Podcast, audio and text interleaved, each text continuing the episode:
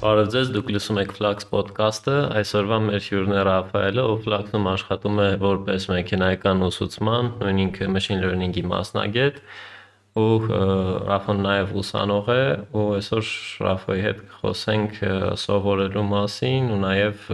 machine learning-ի մասին։ Ռաֆ ջան, ողջույն, ինչպե՞ս ես։ Շատ լավ, Հարութ ջան, ինչպե՞ս ես։ Լավ, լավ, մերսի։ Ռաֆ ջան, քանի որ ոնց որ ասեցի, դու նաև ուսանող ես միաժամանակ, հենց կուզեմ այդ հարցից սկսենք, ինչքանով է համատեղելի աշխատանքը եւ ուսումը ու արդյոք մեկը մյուսին օգնում են կամ խանգարում են ինչ պլյուսներ ու մինուսներ կա այս զուգահեռ աշխատելու ու սովորելու մեջ։ Իրականում շատ հետաքրքիր հարց ես տալիս։ Ես այս ուղղությամբ շատ երկար ժամանակ մտածել եմ, որովհետեւ շատ երկար ժամանակ միաժամանակ համ սովորում եմ, համ աշխատում եմ։ Պլյուսներից կարամ նշեմ, որ երբ որ սովորում ես այն ուղղությամբ, որ ուղղությամբ որ նաև աշխատում ես, իրականում շատ դեպքերում ինչ որ գիտելիք, որը դեռ քեզ բեր համալսարանում պետքա գալիս աշխատանքի ժամանակ, ինչ որ գիտելիք ու փորձ, որ դեռ քեզ բեր աշխատանքի ժամանակ պետքա գալիս համալսարանում ու մեկը մյուսին օգնում են բայց նաև շատ դեպքեր են լինում, երբ զգում ես, որ ուզում ես կենտրոնանաս մեկի վրա, բայց նաև պատասխանատվություն ունես մյուսի վրա կենտրոնանալու համար։ Ու այդ պահերին իրոք պետքա որ ունենաս ճիշտ սովորություններ, որ կարողանաս որ ճիշտ կառավարել ու հասցնել բոլորը։ Իրականում համատեղելիության պահով կարծում եմ, որ դա կախված է համալսարանի որակից ես միշտ մտածել եմ, որ եթե սովորեի ավելի որակով համալսարանում, դժվար թե զուգահեռ աշխատեի, բայց քանի որ մենց է կյանքը ստացվել, որ համալսարանի ես չէի կարողանում վստահել իմ ապագան, սկսեցի աշխատել, որ ավելի գիտելիք ձեռք բերեմ։ Բայց երևի նաև կարելի է նույնը ասել աշխատավայրի հետ կապված, չէ՞, այսինքն աշխատավայրն է պետք է քեզ թույլ տա կամ այդ հնարավորությունը տա զուգահեռ սովորել, որ չխանգարի մեկը մյուսին։ Հա, իհարկե։ Ընդհանրապես սովորելու հետ կապված ես կարծում եմ, որ կան շատ սովորելու աղբյուրներ, որոնցից մեկը համալսարանն է, մյուսը աշխատավայրն է, այն մյուսը on-line կուրսերն են,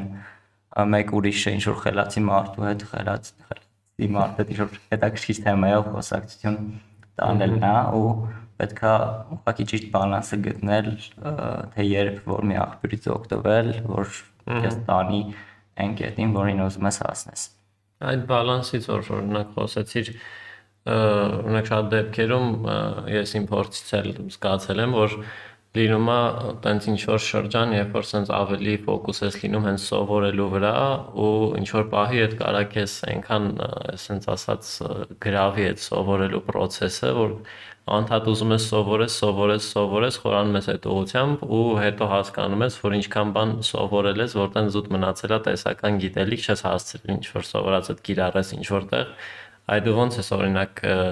գտնում այդ ճիշտ բալանսը, երբ այն պահը, որ պետք է արդեն սովորածդ կիրառես, դարձնես փորձ։ Ահա, իրականում սովորելը շատ-շատ հետաքրքիր է ու շատ է լինում, երբ ինչ որ հետաքրքիր թեմա ես գտնում ու սկսում ես խորանալ իր մեջ, սկսում ես բացահայտել այդ թեման, բայց քանի որ չես կիրառում ոչ մի ձև, այդ ամեն ինչ ինչ բացահայտում ես, ինչ տենում ես, գնում sense կոպիտ ասած կորում է ու դա նմանվում է նրան որ ինչ որ ֆիլմ ես նայում էլի հավես է էլի ինչ որ հետաքրքիր բաներ ես տենում ինչ որ հետաքրքիր բաներ երևի բացահայտում ես ինչ որ հետաքրքիր բաներ այդ բան սովորում ես բայց ինքը sense քեզ կոնկրետ կիրառական ոչ մի օգուտ չի տալիս կարող ինչ որ բան ենթագիտակցորեն մնան որոնք ես հետո կօգնեն ինչ որ տեղեր բայց քեզ այդ պահին կիրառական օգուտ չի տալիս ու շատ կարևոր է սովորելուց միշտ հիշել, որ սովորելու նպատակը ոչ թե գիտելիք հավաքելն է, սովորելու նպատակը այն է, որ մնաց գիտելիք ստանաս, որը կկարողանաս կիրառել ինչ որ արժեք ստանաս։ ու այդ միտքը ունենալով ինձ թվում է այն բայրին երբ որ տենց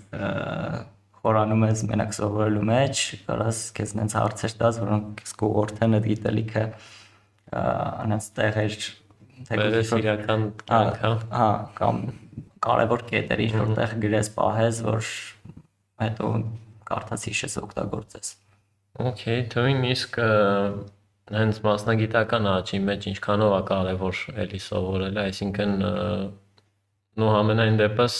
տենց վստահ եմ, որ կա նաև այդպիսի պատկերացում, որ կարելի է օրինակ մի անգամ նստել լավ սովորել, չգիտեմ, ինչ որ կուրս անցնել կամ թեկուզ համալսարանը ավարտել ու այդ գիտելիքներով գնալ սկսել աշխատել, բայց մանավանդ մեր ոլորտում գիտենք, որ տենց անդադ նորույթներ կան, անդադ փոփոխվում է ու երևի թե այդքան բան չի, չէ, այսինքն մի անգամ սովորել ու սկսել աշխատելը ռեալ չի, չէ, երևի թե։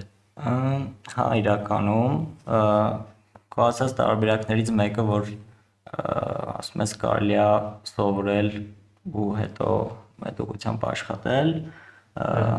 կարելի է դիտարկել, կանանք մտածենք հիմա այդ ուղղությամբ, ենթադրենք ինչ որ բան սովորում ենք։ ու հետո աշխատում ենք այդ մեր սովորածով։ Այսինքն մենք այդ դեպքում անելու ենք անընդհատ անելու ենք այն, ինչ մենք գիտենք, ու բնականաբար ժամանակի ընթացքում սկսելու ենք ավելի լավ անել ու բնականաբար էլի աճելու ենք, որովհետև մենք այդ բանը որ սովորել ենք ժամանակի ընթացքում արդեն ավելի լավ ենք անում, ավելի հմուտ ենք անում։ Ահա։ Բայց վստահաբար կարամ ասեմ, որ դա տանելու է մի կետի, որ այդպես կանգնելու է, արդեն դու շատ լավ անելու ես այդ գործը ու արդեն ինչքան ուզում ես կրկնե, կրկնի դու մեկը շատ լավ անում ես այդ գործը Ուտեղ ինձ թվում է արդեն ձանձրալի է, պետք է ինչ-որ նոր բան սովորել։ Այս այն տեսանկյունից եմ ասում, որ կարծում եմ ուղղակի կձանձրանաս, եթե այդ մտածելակերպով շարժվես։ Իսկ երկրորդ կետը քո ասած, որ աշխարհը շատ արագ փոխվում է, պետք է այդ փոփոխություններին ադապտացվել, դա շատ-շատ կարևոր է։ Իրոք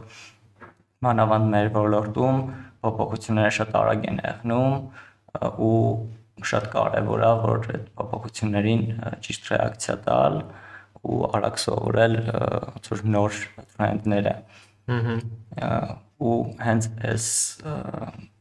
առիթով ուզում եմ նշեմ, որ շատ կարևոր է հենց սովորելու հմտությունը զարգացնել, որովհետև արագ սովորելը լիքը լավ տեղերի է տանում։ Իսկ անձամբ քեզ ի՞նչն է հենց մոտիվացնում սովորել։ Իրականում ես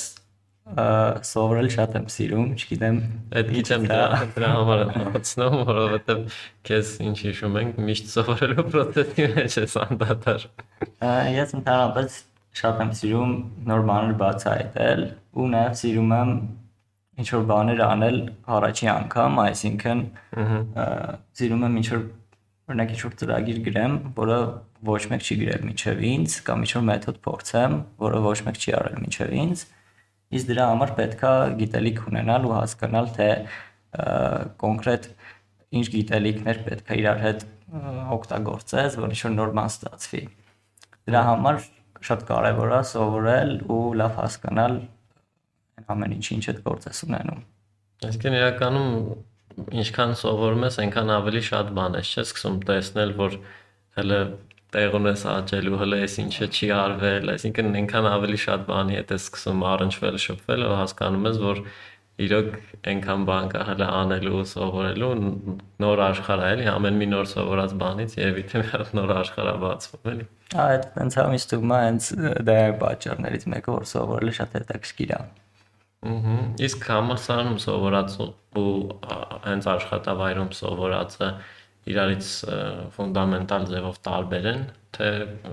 կարելի է տենց հավասարի նշան դնել կամ հավասարի նշան երևի չենք դնի, բայց մեկը մյուսին շատ են օգնում։ Ես ուզում եմ ավելի շատ հարցս մի քիչ sense տամ, կներես կարա մեկը մյուսին փոխարինի, օրինակ եթե թեկուզ մարդ համալսարանական այդ կրթություն չի անցե, ինչ որ բանով ինքը պակասա կամ ավելի դժվար է լինելու իրան, թե կամ նույնը հակառակը, եթե մարդ օրինակ սովորել է համալսարան, բայց շատ դեռ պրակտիկ փորձ չունի աշխատավայրում, այդ դեպքում ինքը ինչով է պակաս մյուսից։ իրականում պակասի ավելի պահը կարծում եմ նաև կախված է մասնագիտությունից ես ընդհանուր առմամբ կարծում եմ որ գիտելիքը կարելի է բաժանել երկու տեսակի առաջի տեսակը այն գիտելիքներն են որոնք հենց կիրառական օգտագործվում են այսինքն դու այդ գիտելիքը կարաս դարձնես ու ինչ որ մարժեք ստեղծես Երկրորդ տեսակի գիտելիքները այն գիտելիքներն են, որոնք իրականում չես կարա կիրառական այդ բանը օգտագործես, բայց իրանք կարևոր են կիրառական գիտելիքները հեշտ ու արդյունավետ ձեռք բերելու համար։ Այդ երկրորդ տեսակի գիտելիքները հիմնականում համալսարանում ենք ստանում, իսկ առաջի տեսակինը ավելի շատ աշխատանքի ժամանակ։ Ես շատ եմ լսում, որ շատերը ասում են, որ համալսարանում ստացած գիտելիքը այնպես կիրառական չի, ոչ միտեղ պետք չի գալիս։ Իրականում հա ինքը կիրառական չի, ոչ միտեղ անմիջապես պետք չի գալիս, բայց ինքը պետքա գալիս, որ դու ձեռք բերես այդ երկրորդ տեսակի իմ նշած առաջի տեսակի գիտելիքը, որը կիրառական է։ Իրականում շատ այս պահը մասնագիտությունից մասնագիտություն կարա տարբերվի։ Ինչ որ դեպքերում կարող է քիչ տեսական գիտելիքա պետք գործնական ինչ-որ գիտելիք ստանալու համար, ինչ-որ մասնագիտության դեպքում կարող է շատ ապետ։ Այդ կարծում եմ մասնագիտությունից է կախված։ Բայց այսինքն եթե ընդհանրացնենք փող լրացնող են մեկը մյուսին։ Հա։ Okay, իսկ դու կոնկրետ ինչ-որ մեթոդներ կամ ձևեր ունես աղբյուրներ հատուկ սովորելու Աղբյուրների մասին արդեն խոսացի։ Իմ սովորելու աղբյուրները դրանց բավականին շատ են։ Համալսարանը աշխատավայրը, on-line կուրսերը, շատ եմ սիրում on-line կուրսեր անցնել, ինչ որ մոդվածներ կարդալը, ինչ որ մարդկանց հետ շփվելը։ Իսկ մեթոդների հետ կապված իրականում շատ տարբեր մեթոդներ կան, որոնք հիմնականում կարծում եմ ինդիվիդուալ են, պետքա փորձես հասկանաս թե քո վրա որ մեթոդն է ավելի լավ աշխատում այնց դες բան ինչ որ բաներ հիշեմ մեթոդների հետ կապված օրինակ սովորելու համար բնականաբար մոտիվացիա պետք իսկ մոտիվացիա ստանալու համար կարելի է միշտ ինչ որ բան սովորելուց առաջ փորձել ինչ որ թղթի վրա գրել թե ինչի համար ենք այդ ինչ որ բանը սովորում։ Օրինակ կարող է դու որոշում ես սովորես, օրինակ, անցնես մարքեթինգի կուրս, նստում ես, բացում ես համակարգիչը, վիդեոն բացում ես, հետո ստացվում ես լավ դե շոկ է այսօր։ Ավելի չկա թող մնա over անգլի այդ ժամանակ սովորեմ։ Այդպես դեպքերում կարելի է նստելուց առաջ մեծ գրել թղթի վրա թե ինչի համար է սովորում ու դա քեզ կարա մոտիվացնի դու ավելի շատ կմտածես նպատակներիդ մասին, քան շոկի մասին, որը քեզ խանգարում է։ Բայց կարա չէ զուտ հետաքրքրությունն էլ մոտիվացիայի առիթ լինի։ Հա, իհարկե։ Այնտեղ կոնկրետ, չգիտեմ, ֆիքսված նպատակ չունենաս, որ սովորում եմ, որ չգիտեմ, այսինչ աշխատանքին ընդունվեմ կամ այսինչ բանը, զուտ այդ թեման քեզ հետաքրքիր լինի ու այդ ուժեղ մոտիվացիայի աղբյուր դառնա։ Հա, ճիշտ է, բայց այդ դեպքում կարող է գնաս այն կոդված այն հարցին են, որ սովորում ես, բայց ոչ միտեղ չես կիրառում, կարող է տենց ինչ-որ process-ի մեջ ընկնես։ Հա։ Ժամանակ ամեն դեպքում արժի ինչ-որ նպատակ գրել, որի համար դու սովորում ես։ Հա, համաձայն եմ։ Մեկ ուրիշ բան սովորելու համար պետք է կենտրոնացում։ Կենտրոնացման համար արժի նախապես պլանավորել թե ինչ քայլերով ես սովորելու, որովհետև եթե չես պլանավորում, առաջի քայլից հետո ինչ որ անորոշություն է գալիս, ու այդ անորոշության ժամանակ շատ հնարավոր է քո ուղեղը շեղես ուրիշ բանի վրա ու քո սովորելը արդյունավետ չեղնի։ Երևի նաև թե երբ ես սովորում դա էլ պետք է պլանավորել։ Հա, պլանավորելը շատ է օգնում։ Օրինակ եթե չպլանավորես թե մարքեթինգի այդ վիդեոից հետո ինչ ես նայելու, շատ հնարավոր է մարքեթինգի վիդեոից հետո դու մտնես YouTube, ինչ որ հետաքրքիր վիդեո նայես, ու ժամանակ կորցնես ավելի շատ, քան կկորցնեիր օրինակ 10 րոպե պլանավորելու վրա։ Ահա։ Դե իրականում ինձ թվում է հատկապես աշխատանքին զուգահեռ սովորելու համար պետք է իրոք տենց հստակ հատկացված ժամանակ ունենաս, որովհետև միշտ ինչ որ գործ կամ անելու, որ կարա այդ պահին քեզ ավելի կարևոր թվա ու դու ոնց որ հերթը չհասնի սովորելուն, բայց երևի պետքա հստակ որոշել, չգիտեմ, շաբաթվա կտրվածքով կամ օրվա կտրվածքով, որ այսքան ժամանակ ես հատկացնելու եմ ինչ որ նոր բան սովորելուն ու կոնկրետ անգամ որոշես, չգիտեմ, օրվա այս ժամն է, ինչ որ միտինգ քո համար դնես, որոշես, որ այս ժամին ես սովորելու եմ վեր։ Հա, իմ մոտ իրականում տենց է, նեն չի ես իմ ժամանակը տենց ուր պլանավորում եմ ու ռոբոտի պես եմ ապրում, բայց մոտավոր գոնե պետքա պատկերացնել, թե ինչ քայլեր են պետք։ Okay, քանի որ այսքան խոսեցինք սովորելուց, ես ինձ առաջարկում եմ սահուն անցում կատարենք մի քիչ էլ խոսենք մեքենաների սովորելուց, machine learning-ից։ Առաջին հարցը, որ կուզեմ տամ, այնց ինչով է ինքը հիմնական տա, հիմնականում տարբերվում սովորական ծրագրավորումից մեքենայական ուսուցումը։ Շատ հետաքրքիր, ավելի ավելի ճիշտ շատ կարևոր հարց է, որովհետև շատերը չեմ պատկերացնում, թե ինչա մեքենայական ուսուցումը, շատերի մոտ դա ինչ որ ասենց կախարդանքի ինչ որպես բան է Ուրեմն թե ինչ որ կախարդական փայտիկ աշխատացնելուց հետո ինչ որ ծրագիր է տնվում։ Եկեք սկսենք նրանից, թե ծրագրավորումը ինչ է։ Ծրագրավորումը երբ մենք ինչ որ ծրագիր ենք գրում, մենք կոնկրետ քայլեր ենք տալիս, թե համակարգիչը այս պայմանի դեպքում ինչ պետք է անի, ինչ քայլեր պետք է անի, այս պայմանի դեպքում ինչ քայլեր պետք է անի։ Այսինքն հստակ քայլերով գնում ենք, թե մեր ծրագիրը ինչ հաջորդ, ինչ ալգորիթմով, ինչ քայլերի հաջորդականությամբ պետք է լուծի տրված խնդիրը։ Մեքենայական ուսուցման դեպքում մենք փորձում ենք մեքենային սովորեցնել այդ քայլերի հաջորդականությունը, այսինքն մենք իրան չենք ասում, թե ինչ քայլերի հաջորդականություն է ինչ քայլերի հաջորդականությամբ պետք է լուծի խնդիրը, այլ իր խնդիրը հենց այդ քայլերի հաջորդականությունը գտնելն է։ Եթե փորձեմ ինչ-որ օրինակի վրա բացատրեմ, ենթադրենք մենք ուզում ենք սարքենք մի հատ ծրագիր, որը շախմատ կխաղա։ Եթե մենք այդ ծրագիրը փորձում ենք սարքենք սովորական ծրագրավորման միջոցով, մենք պետքա բացենք օրինակ շախմատի դասագրքերը ու այդ կանոնները բոլորը տանք համագարկչին օրինակ այս դեպքում, այս դիրքի դեպքում սենց է պետք խաղալ, այս ոճի դիրքերի դեպքում սենց է պետք խաղալ։ ու պատկերացնում եք, չէ ինչքան շատ ինստրուկցիաներ պետք է տանք ու շատ հնարավոր է լիք ինստրուկցիաները բաց թողանք կամ ճիշտ չտանք։ Պետք է բոլոր իրավիճակների համար հստակ ուղղորդում լինի, ինստրուկցիա լինի այդ բանին ինչ պետք է անի հաջորդ կարգավորմանը։ Իսկ եթե մենք ուզում ենք մեքենայական ուսուցման միջոցով լուծենք այս խնդիրը, կարելի է ուղղակի հավաքել տարիներով կուտակված պարտիաները շախմատիստների ու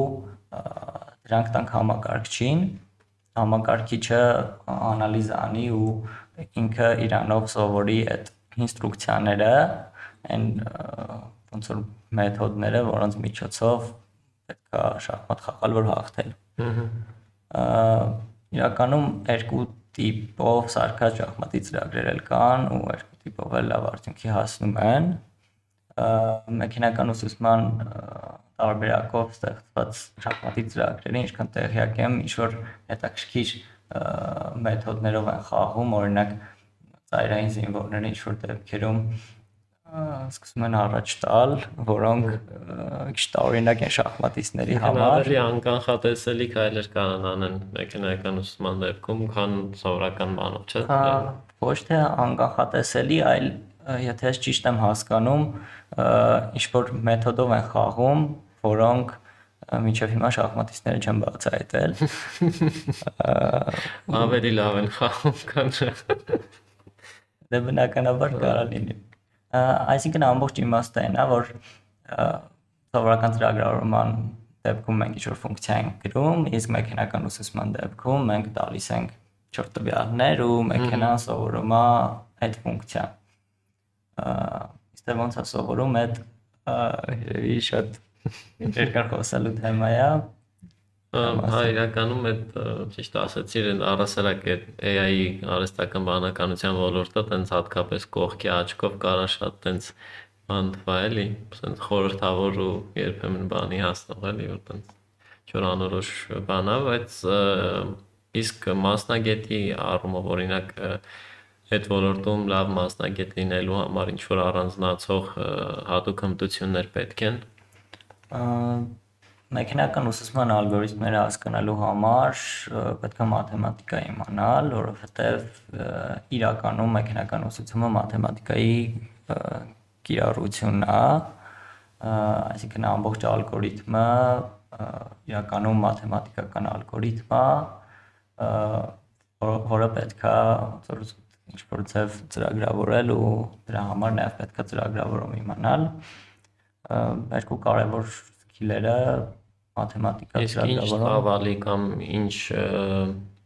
level-ի բանի մասին է խոսքը մաթեմատիկայի պարտադիր պետքա հենց բարձրագույն մաթեմատիկա իմանալ, թե ինչ որ basic իմացություններ կարա արդեն բան տա քեզ որ սկսես այդ ոլորտում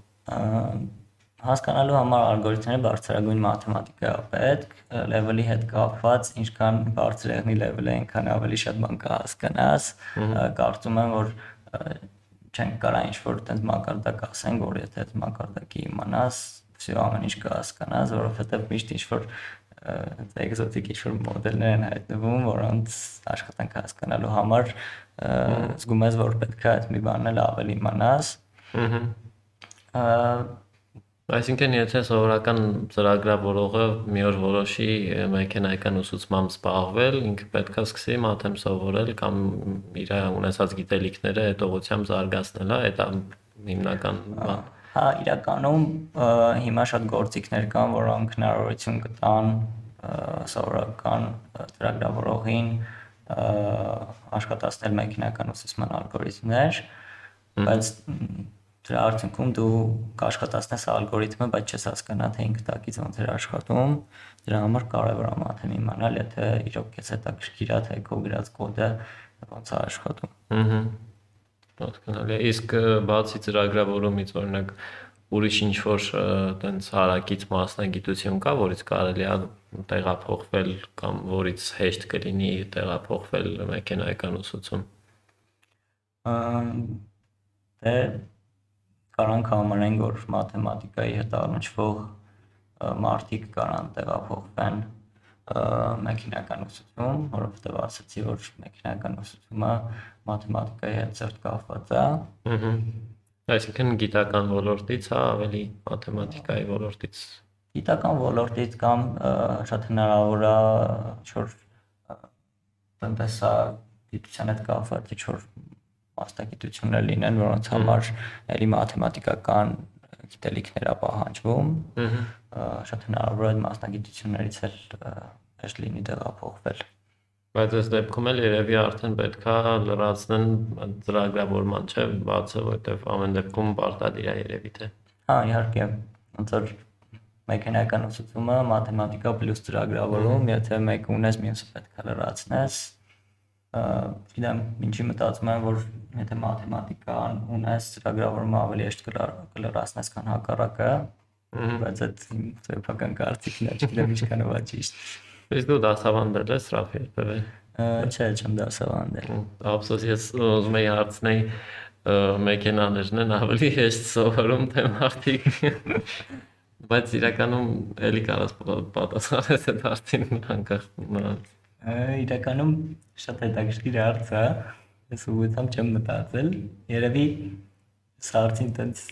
խորը պատասխանելու համար պետք է հասկանալ հեշտ ասելով ինչ ենք հասկանում ավելի արագ թե ավելի արդյունավետ բայց երևի մարդկանց առանձնահատկությունը այն է որ մարդիկ տարիներով շատ բան են տենում շատ փորձ են հավաքում դες տարբեր բաներ են կանելու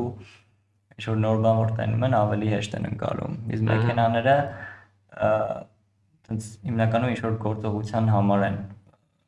մարզում, սովորացնում, yəni ինչ որ կոնկրետ գործողության համար ենք մենք մեքենային տրեյն անում, օրինակ ասում ենք որ շախմատ խաղալ պետքա սովորես կամ մարդկանց դեմքերը իրարից տարբերել պետքա սովորես։ Ահա ու ոնց որ այդտեղ մեքենաները ոնց որ ընդհանուր առմամբ շատ փորձի պակաս են ունենում, իրանք կոնկրետ ինչ որ կետի վրա են ֆիքսվում, բայց մեքենաների առանձնահատկությունն էլ է նա, որ իրանք ավելի շատ հաշվարկներ են կարող անեն, ինչ որ դեպքում ինչ որ բաներ հասկանալու, բացահայտելու համար պետքա շատ տարբեր ինֆորմացիաներ համախմբել ու անալիզ անել, որոնք մարդիկ չեն կարող Իսկ ինչ որ պահից սկսած ինչ որ ոլորտներում մեքենաները եւի ավելի լավ արդյունք չէ տալիս են, քան սովորական մարդը թեկուզ մասնագետը կարա դա այդ ոլորտի։ Հա, իրականում կարծում եմ, որ տենց ոլորտներ նույնիսկ կան, ուղղակի այս պահին չեմ մտաբերում։ Դրանք երևի այն ոլորտներն են, որտեղ չարդյունավետ դատողություն անելու համար պետքա պետքա ինֆորմացիա միանգամից համախմբել, անալիզ անել ու պատասխան տալ։ Okay, Ռավջան ու վերջում ինչ խորհուրդ կտաս ոլորտով հետաքրքրվողներին որտեղից կարան սկսեն, եթե հետաքրքրված են մեքենայական ուսուցմամբ։ Երևի խորհուրդ կտամ զուգահեռ փորձել մաթեմատիկա ծրագրավորում։ Դա զուգահեռ եմ ասում, որովհետև համ կփորձեք հասկանալ, թե երկուսն էլ ձերն է, թե ինչ որ մեկը ձերը չի, թե ինչ որ մեկը ձերը չի, ուրեմն չարժի օրանալ ոլորտի մեջ։ Ահա երկրորդն էլ որ զուգահեռ սկսեք ինչ որ համ մաթեմատիկան ծրագրավորում սովորել, ավելի արագ կարողանաք ինչ որ բաներ փորձել, որ ինչ որ բաներ փորձում եք արդեն ոնց որ մոտիվացիան էլա բարձրանում, ամել փորձելուց ավելի լավ եք պատկերացնում ինչքանով արժի խորանալ ոլորտի մեջ։ Ոին, մերսի շատ Ռաֆ ջան, ահագին հետաքրքիր զրույց ունեցանք։ Ձեր մերսի Արուտ ջան, իրոք շատ հետաքրքիր էր։ Շատ լավ մնացեք կապի մեջ, սպասեք մեր հաջորդ ոդկասթներին։ Thank you